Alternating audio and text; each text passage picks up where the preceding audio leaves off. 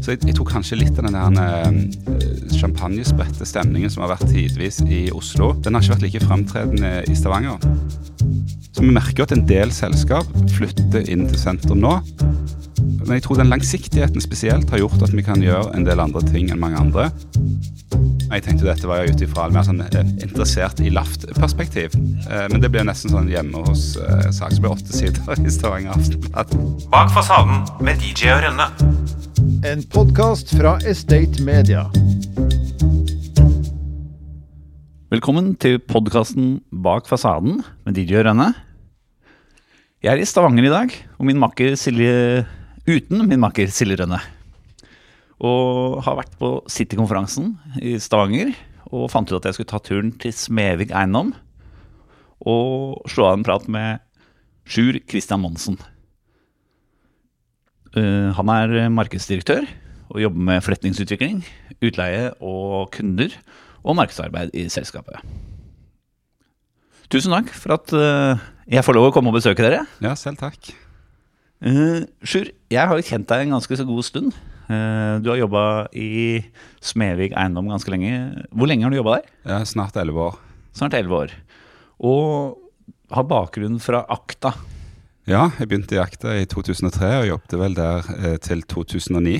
Før jeg gikk til eh, First Securities og eh, DNB Markets, og så Smevik. Ja, og så Smevik. Ja, fordi det er ganske mange personligheter i både næringslivet her i Stavanger og også eiendomsbransjen som har bakgrunn fra Akta. Ja, det er ganske utrolig. Det er det Stavanger-kontoret til eh, Akta. Der jobbet vi ganske mange. Vi var vel en 14 rådgivere på det meste. Og eh, i dag så ser jeg både i konkurrerende selskaper og i vårt selskap så er det flere som har jobbet der. I Smevik Eiendom så er det jo Cecilie Melby for eksempel, som er CEO. Ja. Eh, Andreas Paulsson i Base. Du har eh, Frode Klungtveit, eh, Klungtveit og, eh, og Sveinung Byberg og, og, mange flere som har kommet fra eh, finans og jobber nå i eiendom eller eiendom-finans. Ja. Hvorfor, eller Hva er Akta har egentlig betydd for, for næringslivet her? Jeg tror når Akta var på høyden, så, og du kan si mye om Akta, og, og det opererte jo i en litt annen verden med, med litt andre regler og eh, kanskje litt annet mindset. Men det tiltrakk seg nok en del flinke folk som eh, Det var jo veldig mange som ønsket å jobbe der, og, og, og vi som jobbet der, hadde jo gode dager, og, og, det gikk bra. Så vi tiltrakk oss nok en del flinke folk. Og, eh, og de har da etterpå gått videre til, eh, til eiendom. Mm. Og akkurat hvorfor det er sånn, det, det vet jeg ikke helt, men, eh, men det, det, er sånn det er i hvert fall. Ja. Men hvordan var det å jobbe der? Det var egentlig helt fantastisk bra organisasjonskultur veldig sammensveisa gjeng, og, og, de brukte veldig mye tid og krefter på organisasjonsutvikling og, og egentlig skape en stem, stammekultur. Nesten sånn på grensen av at det ble, det ble, litt mye. Altså Du får jo en utrolig lojalitet til et eh, sånn type selskap. Så de var, de var nesten litt for suksessfulle med det, vil jeg si. Ja, Og så kommer jo finanskrisen.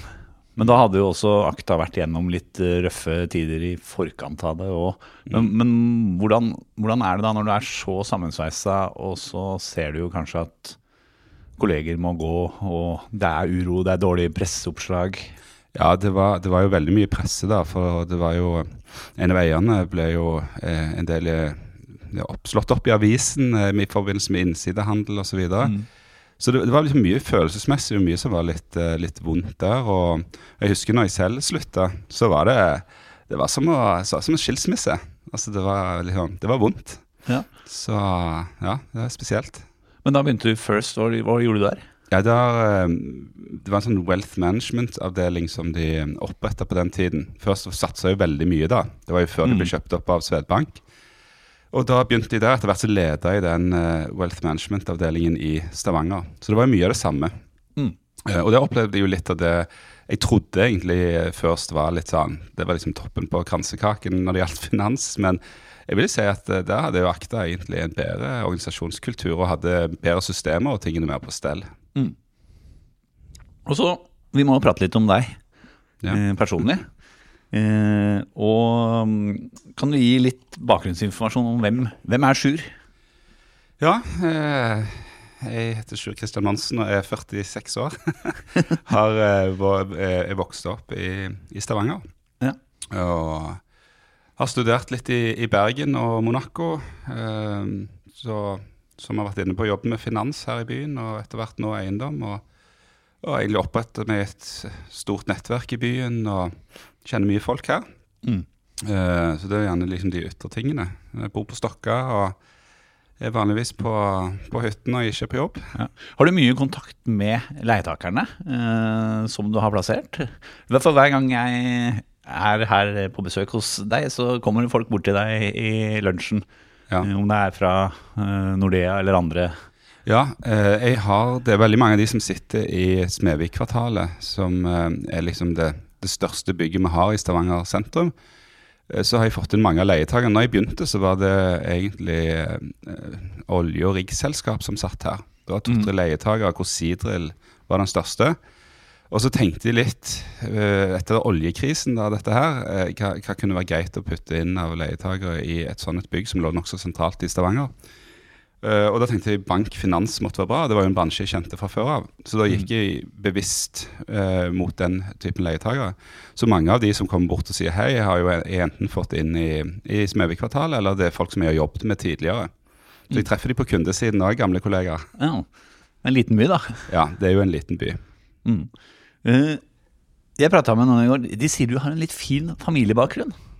Ja, Det vet jeg ikke helt. eh, Men ja, det, familien min eh, har jo bodd i regionen her veldig lenge. Og eh, vokst opp Eller jeg er ikke vokst opp der, men familien min kommer fra Tananger. Og, og vi solgte det huset nå nettopp. Men det var, far hadde et hus som var bygd i, i 1724. Det var et veldig stort eh, freda hus. Det største vernede profanbygget i Rogaland. Altså ikke kirkelig bygg. Eh, men så er det sikkert litt for jeg har en sånn dialekt med litt harde konsonanter, og jeg synes Stavanger er litt sånn sosiolekt, så det høres kanskje litt pent ut, da, i anførselstegn. Eh, og, og har fått litt tyn for det, men jeg klarer ikke helt å legge om dialekten heller. Nei. Men hva gjør du når du skal slappe av? Ja, når jeg skal slappe av, så ja, det er det jo mye å, å være på fjellet eller, eller på, inne på hølet. Og ja, da kjenner jeg skuldrene senke seg bra. Uh, ja, går jo mye ut og sånn, men jeg føler det er liksom sånn i jobbsammenheng så er det så mye fest og halloi at uh, det blir nesten sånn at jeg, jeg tar det mer med ro når jeg ikke er på jobb, enn når jeg er på jobb. Ja, vi hadde jo hadde eiendomsdagene i, i år, og da fortalte eh, Pål Ringholm at han hadde vært på eiendomsdagene året før. Og når han så en eiendomskar som sto med champagne på scenen, eh, da begynte han å selge eiendom, sa han. Eh, er det litt sånn topptegn at, eh, at det er veldig mye sosialt eh, som skjer? Ja, men jeg er litt usikker på altså sånn I Stavanger så har vi nok vært litt motsykliske til Oslo på mange områder, siden vi fikk denne smellen eh, etter eh, 2014, når oljeprisen falt. Så. Mens det var finanskrise mange andre plasser, så hadde vi i Stavanger liksom eh, egentlig veldig gode dager, for det var høy oljepris. Og så fikk vi en sånn særegen smell etter 2014. Og, og fikk litt respekt for at boligprisene kunne falle, og, og, og var nok litt sånn forsiktige. Så jeg, jeg tror kanskje litt av den der eh, champagnespredte stemningen som har vært tidvis i Oslo, den har ikke vært like fremtredende i Stavanger. Så, så selv om det har vært litt sånn fest og, og basar her òg, så, så har det liksom ikke vært den der eh, champagnen i taket-stemningen. Når yrkesstolthet er standard, blir høy trivselsfaktor på arbeidsplassen en selvfølge. I Bundegruppen vet vi at det er du og jeg som kan utgjøre forskjellen. Derfor er vi så opptatt av verdigrunnlaget vårt – folk. Folkeskikk, orden, lagånd og kundefokus. Folk skaper verdier, og verdier skaper folk. Finn ut mer på bundegruppen.no. I tiden jeg har fulgt eh, deg og Smevik, så har det vært Jeg vil si det har vært en ganske rivende utvikling i selskapet. Eh, Men jeg husker et foredrag av eh, Jostein Karlsheim som eh, fortalte litt om hvordan dere tenker, og hvilken avkastning som eierne forventa, og eh, ja, litt om eh, holdt på å si Smedvigs way, da. Ja. Kan du si litt om hva Smedvik Eiendom er, og hva dere vil være? Ja, det er jo et interessant spørsmål, for vi skiller oss kanskje fra noen eiendomsselskap der, noe, der ute, og, og kanskje litt lik noen andre. Men Smedvik Eiendom forvalter 10% av egenkapitalen til Smevik Family Office. Og det skal ikke være så mye mer eller mindre enn 10 Eh, Så det er ca. 25 milliarder eh, i Smevik, og så forvalter vi 2,5 milliard, og så har vi giring, så vi har eiendom for ca. 5 milliarder kroner. Og det skal være eh, eiendom som bidrar med utbyttekapasitet og langsiktighet, eh, og kanskje litt inflasjonsdempende effekt. Så det preger jo litt av måten vi tenker på. Men jeg tror den langsiktigheten spesielt har gjort at vi kan gjøre en del andre ting enn mange andre. Så vi kan, vi kan gjøre noen grep som gjerne ikke gir oss gevinst i dag, men som vi ser at kan være viktige lenger nede i veien.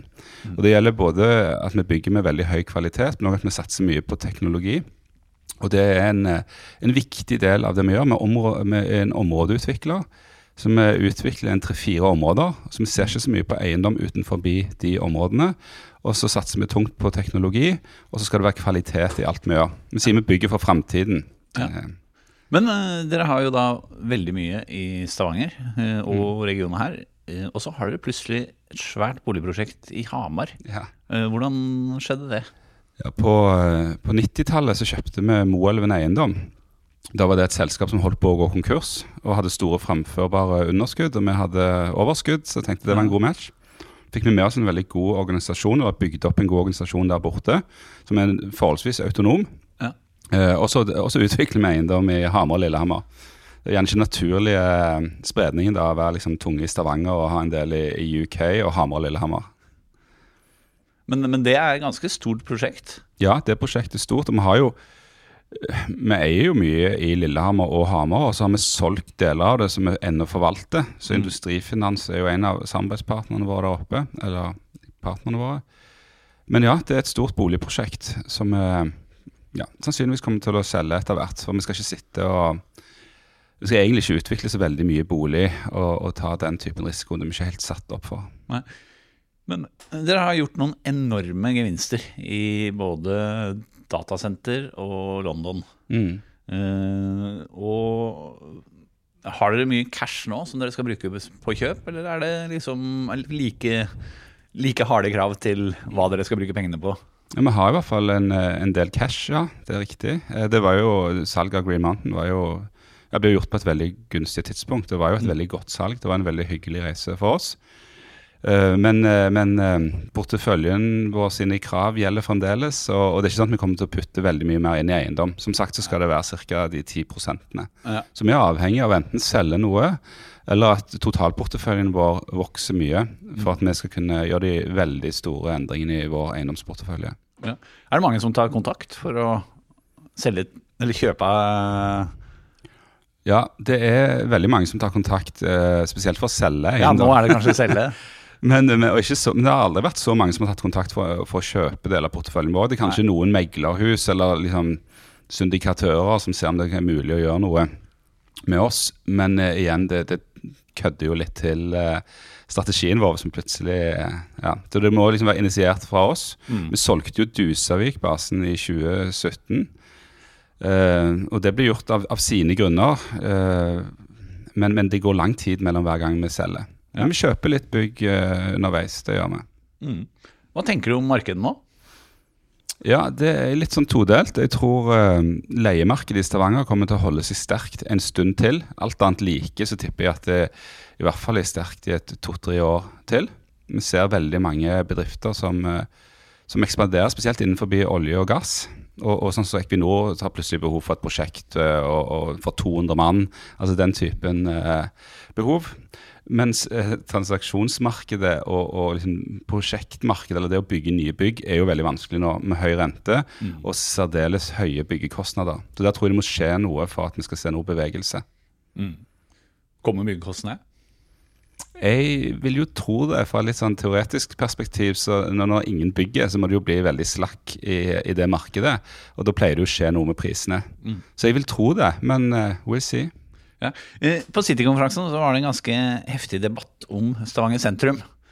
Eh, Erling Fossen var debattleder og starta i eh, kjent stil med at Forus må dø, var vel introen hans for å få litt temperatur. Eh, Men det jeg har oppfatta som si, gjennomgangstonen i alle de åra jeg har skrevet om eiendom i Stavanger, er jo at det er veldig lite store arealer her for bedrifter, og det er derfor de har flytta til Forus og Hinna Park.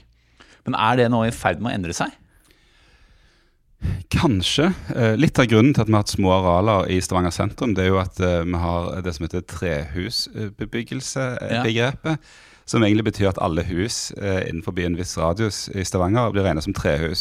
Til og med murhus eller trehus er bygd på 80-tallet. Så det er fryktelig vanskelig å få revet noe og lagt noe. Og så er det litt sånn eh, høna og egget. I og med at det ikke har vært store arealer her, så har ikke helt etterspørselen vært der heller. fordi det er liksom ikke arealer. Eh, og så har det jo vært veldig lett og tilgjengelig areal ute på Forus. Eh, det er jo et område som ble liksom utvikla på tidlig 70-tall, og, og, hvor det var eget tomteselskap som tilgjengeliggjorde tomtene. Og du kunne få opsjon, gratis opsjoner på tomter. Mm. Som gjorde jo at da kunne aktører der ute jobbe med leietaker mens de hadde en tomt på hånd, og så først begynne å på, ta, ta, på kostnader når de, når de, hadde fått signert leiekontrakten. Og Det er jo fryktelig vanskelig å konkurrere med noe sånn, når du ja. kanskje må gå gjennom en lang søknadsprosess og en lang riveprosess osv. Så det, det, det, det kanskje Forus har ødelagt litt for de tre byene som ligger rundt. Uh, men kanskje spesielt for Stavanger og Sandnes, at uh, de har hatt en voldsom konkurrent i det tomteområdet som lå mm. midt imellom byene. Ja, og det er jo fortsatt mye tomt tilgjengelig der. Veldig mye tomt, men vi ser jo at folk sin eh, krav endrer seg, og, og, veldig mange unge ønsker seg jo de kvalitetene, de urbane kvalitetene som er i sentrum. Ja. Så vi merker jo at en del selskap flytter inn til sentrum nå, for de vil tiltrekke seg talenter. Mm. Ja, Deloitte flytter fra Forus til mm. sentrum, eh, mm. nye K8. Ja. Og er, de har vel sagt at uh, det er for å kunne rekruttere og holde på folk. Mm. Men da tenker jeg, det sitter jo mange andre av konkurrenter av dem mm. på uh, Forus. Er, det, er, dette det som kan bli en game changer? Jeg tror litt det. For, for noen år siden så satt de fleste større advokatkontorene i Stavanger òg på Forus. Og så begynte ett og to å flytte inn til byen, og så plutselig så skulle alle til byen. Og i dag så er alle de store i sentrum mm. og har litt sånn prime location. Uh, og Vi så jo òg nå at Shell, norske Shell, oljeselskapet, flytta fra uh, bygget sitt i Risavika ut med Tananger. Uh, solgte det egentlig ganske billig å flytte inn i, i Smevik sitt gamle hovedkontor etter en heftig rehabilitering. Og Da var deres begrunnelse òg at de ønsket å tiltrekke seg talenter. Men det de så, nå i ettertid, det er jo at uh, mens de hadde sånn 30% samtidighet i de gamle bygget sitt, mm. så er de oppe i 70 samtidighet. da. Så folk kommer mer på jobb. Nå. Ja. Mm. Det er nesten det viktigste hvis du skal ja. drive med i hvert fall eiendom. Har du et parkeringsanlegg som kunne funket bedre? Ta kontakt med OnePark. Vi leverer enkel og effektiv parkering, og du får fornøyde bilister og en mer lønnsom drift. Sjekk ut onepark.no. Vi gjør dine parkeringsplasser mer lønnsomme. Dere har alltid vært ganske gode på teknologi. Eh, gikk inn eh, på eiersiden i Create Solutions. Ja. Eh, et Proptech-selskap som er blitt solgt til Visma. Ja. Eh, og dere eier Veni, som vel er mer på rådgivning ja, med, og miljø? Vi oppretta Veni eh, ca. samtidig som vi ja. gikk inn i Create Solutions. Og, og, i dag så er Veni mye med, med rådgivning og miljø, ja, men òg en sånn Veni Tech-del, som driver med, med, en del mer sånn hardware og teknologi i bygg. Mm. Og så er dere involvert i Life at Work. Eh, og da lurer jeg på altså, hvor, hvorfor gjør dere det? Det vi tror, da, det er at uh, fremtidens eiendomsselskap er uh, et eiendomsselskap som er gode på teknologi. For vi har jo en hypotese om at eiendom og bygg- og anleggsbransjen står foran en rivende utvikling de neste årene. Mm. En, en, teknologi, altså en, teknologisk utvikling hvor mye blir digitalisert. Vi kan bruke teknologien på en ny måte. Og det føler vi at vi må være litt i førersetet på. Det er litt sånn Enten så er du fremvalent eller så er du bakoverlent. Og her ønsker vi å være fremoverlent. Og vi tror jo at den domenekompetansen vi har på eiendom, kan være med og hjelpe til å utvikle teknologi for andre eiendomsselskap. Og vi har jo òg en stor portefølje som vi kan bruke som eh, laboratorium eller en testgrunn, eh, for så å ta det videre til andre. Men, men Smevik har også en venture-del. Ser de på noe her? Ja, altså Smevik Capital ble jo oppretta på 90-tallet eh, og sitter i eh, London og har for det meste gjort investeringer i andre deler av verden. Ja. Men nå eh, så snur vi mye av investeringen der inn mot Stavanger og Norge. Er, det er litt sånn tidlig fase, men vi, vi driver og ser på muligheten for å, å, bruke deres kompetanse på investeringer inn mot vår eiendomskompetanse, og, og ser om vi skal investere en del mer i forskjellige typer Proptech-selskap. Har dere noe anslag eller noe? Hva, hvor mye kan dere komme til å investere i den? Ja, det vet jeg ikke, men, men Smevik Capital har finansielle muskler og, og, og forvalter vel en eh, ja, 3-4-5 milliarder. Er Litt usikker, egentlig. Ja. Men, men hva vi tar inn mot Norge, det, det kommer litt an på hvilke muligheter som byr seg. Mm. Men potensialet er i hvert fall til stede fra vår side. Ja. For det er, det er jo ganske fragmentert, den norske proptech-bransjen, med veldig mye smale nisjeselskaper som håper de dekker kanskje en liten Ja. del av markedet. Uh, er det et problem Altså, eiendomsselskapene har jo ofte små organisasjoner. Med, så at en som har ansvar for noen bygg, må forholde seg til 10-12 forskjellige leverandører, det er, det er vel nesten umulig? Ja, det er litt av det som ligger bak f.eks. satsingen på Life at Work. Det er liksom sånn at Du går inn i et bygg, så ønsker du ikke å ha ti apper. Ett for å styre ventilasjonsanlegget, ett for å få dem mat i kantinen, og en for å låse opp døren osv. Så, videre. så liksom prøver å samle alle disse forskjellige eh, konseptene og satsingene en plass. da, Så du har ett brukergrensesnitt. Men, og det er ikke noe problem i dag å liksom åpne API og, og, egentlig legge f.eks. låsesystemet eller viften under, eh, under et toppsystem.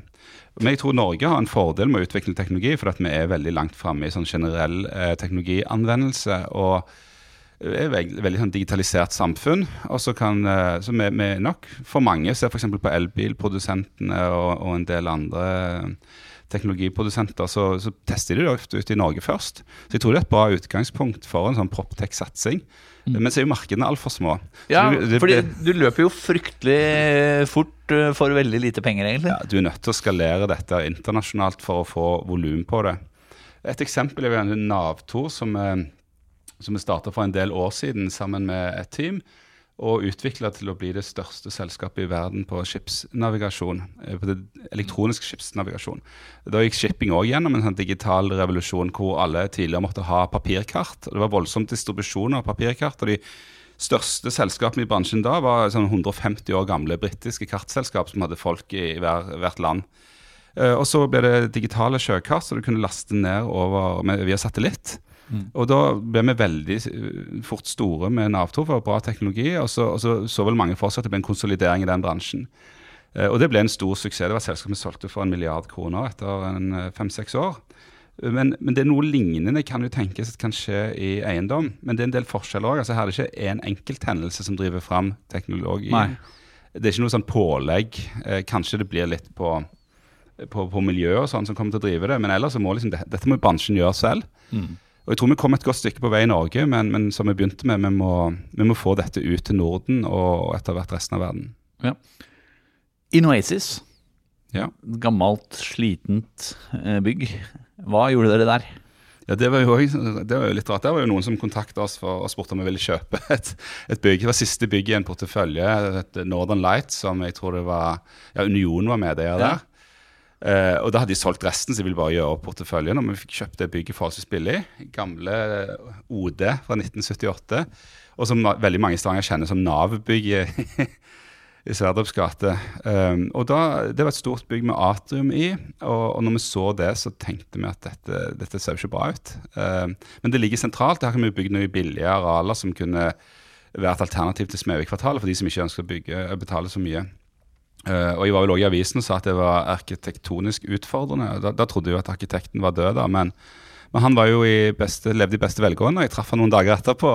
Ja, var den forbanna? Ja, nei, Han syntes egentlig det var greit at vi skulle gjøre noe med det, sånn at bygget hans fikk leve videre. Og, og Det er et spesielt bygg med store takutstikk som skulle ligne på fabrikktak, som egentlig sto tomme. Så der, der gikk vi jo litt vekk fra den originale ideen om å bygge billige kontorer, og tenkte her skal vi gjøre noe som ingen har gjort før, og ta en sånn total eh, rebuild med bærekraft i høysetet. Så vi har satt en sånn heltrekonstruksjon inn i atriet med tak på, sånn at vi fikk eh, adkomst via denne sånn, en løk. og, så, bygde vi opp med, med solceller og energibrønner og bærekraftige materialer, mye tre, og, og har da klart å få ut av et bygg eh, som er på 4500 kvadrat, da fikk vi 1200 kvadrat ekstra med å bygge inn det atriet. Vi har redusert energibehovet med 75 og, og, og bygget er blitt et veldig godt bygg å være i. Men fortell, hvordan er det egentlig du går fra ideen om at du skal eh, tilby rimelige lokaler for de som ikke kan betale like mye Mm. som i noen av de andre byggene, til at du plutselig ender opp med et sånt prosjekt? Eller, Ja. hva, hva, hvordan er den prosessen? Det er et veldig godt spørsmål. Jeg har ikke tenkt så mye på det, egentlig. Men jeg, jeg tror det som kanskje er litt eh, Eller som i hvert fall er veldig kjekt i Smevik Eiendom, det er at vi, vi bruker mye tid på å diskutere disse tingene. Og mange av de ansatte ønsker veldig mye. Har mye visjoner og, og ønsker å ligge langt framme. Og, og det blir har blitt litt eh, gitt rom for, for å tenke store tanker. Så det er jo etter eh, stor laginnsats. Altså dette er hele teamet. Og, og, og vi har jo òg Rune Augenstein med på laget, som er veldig opplest og interessert i eh, det som kommer. Om det er bærekraft eller teknologi. Så det er ja, mye flinke folk med gode innspill. Bygget var for øvrig nominert til Cityprisen Rogaland. Eh, vant ikke. Eh, det var det derimot Pedersgata Utvikling som vant for utviklingen av Pedersgata. Eh, men der er jo også dere med. Eh, hvorfor kjøpte dere inn i da Anders Ohm eh, sitt selskap? Ja, Det husker jeg ennå. Jeg husker ikke akkurat årstallene, men dette var jo eh, før pandemien. Hvor eh, Jarl Birkeland, som er utviklingssjef hos oss, hadde vært på et foredrag hvor Anders Ohm hadde presentert det han hadde gjort i Pedersgata. Og det var jo i, i den spede begynnelse, men hadde rehabilitert noen bygg og fått inn noen leietakere, og det var begynt å se bra ut. Og så sier alle dette, dette burde vi gjøre, dette burde vi være med på. Og Vi har lenge lekt med tanken om vi skulle gått og gjort noe lignende, men har slått det fra oss fordi vi har ikke nok folk med den rette kunnskapen å gå og utvikle noe sånn, og, og snakke med leietakerne på, på sånn restaurantnivå. Uh, så, men vi gikk til Anders og, og kom i en god dialog og fant ut at vi skulle gå inn i Pedersgata Utvikling. Så i dag eier vi 67% av det, og har et kjempegodt uh, samarbeid med Anders, eh, hvor det er et styre bestående av eh, ja, folk fra Smevik og folk fra hans organisasjon. Og ja, det, det går veldig bra. Vi er over 50 bygg nå i Pedersgata. Hva er det han egentlig har gjort? Ja, Han har gått inn i en gate som har vært sliten og skummel. Eh, Jeg har venner jeg som har blitt slått ned der på, på å gå gjennom. Dette er bare sånn 10-12 år siden. Ja. Eh, Men har han gått og, og, og fått eh, rehabilitert bygg, solgt ut leiligheter mye, men, men beholdt bakkeplan. Og, og fått inn spennende, interessante restaurantkonsepter. Han har gjort det i et forrykende tempo. Og han har gjort det mens han har spilt på lag med kommune og, og byantikvar. og egentlig et veldig sånn, bejublet prosjekt. Så han har vært veldig flink i, i det han har gjort. Og så I stad sa du at eh, når du skal slappe av, så drar du på, på fjellet. Og drar du da på hytta? Da drar jeg på hytta, står på ski. Eh, Men den hytta den har fått litt uh, omtale. Ja. Hva er det for noe? Ja, det var jo litt tilfeldig. Uh, Dette er jo en laftehytte som er håndlafta av en veldig flink ung kar fra Vikedal. Uh, Som heter Bjørn Magne Hundseid. Som vanligvis restaurerer stavkirker og, og sånn våningshus osv. Men han ville vise hva han kunne gjøre, så han lagde denne hytten, som er, er ganske spesiell. Og så ble jeg oppringt av Stavanger Aftenblad, som da kjente Bjørn Magne og hadde lyst til å skrive om denne hytten. Og jeg tenkte dette var jo ut ifra mer sånn eh, interessert i laft-perspektiv. Ja. Eh, men det ble nesten sånn hjemme hos eh, sak, det ble åtte sider i Stavanger Aftenblad. Hvor dere breia dere ut på hytta? Ja ja, så der, eh, det var hjemme hos Sjur og Ingvild. Men da, da blir det Den har du kanskje fått høre litt fra noen av dine kolleger? Ja da, ikke bare de. Jeg eh, var i møte med kommunen her i forgår, hvor eh, næringssjefen eh, Anne Woie roper idet jeg skal gå ut av møtet, at jeg spurte når jeg skulle invitere opp på hytten. Så det blir litt hets, det stemmer. Ja, men det er moro. Ja, det går fint, det. Men ellers, hva eh, Du bruker jo mye tid på jobb, antar jeg. Eh, Men liker du å reise? Ja, jeg liker å reise. Det Blir litt, eh, litt reising. En del reising i forbindelse med jobb, men jeg pleier òg å få litt tid til å reise til Spania og, og andre plasser med litt varmere vær enn enn i Stavanger. Vi er ikke Ja. velsigna med så fint vær her. Eiendomsbransjen savner jo dere i Cannes med den eh, Stavanger-delegasjonen som alltid hadde et hus der. Ja, det er rett å forbi Baioli der. Det, det var jo veldig kjekk tid eh, hvor, eh, når vi hadde dette huset, gjengen fra Stavanger. Men nå når, når Bosse har slutta i Kluge, så, så blir det ikke så mye hus. Bak fasaden med DJ og Rønne.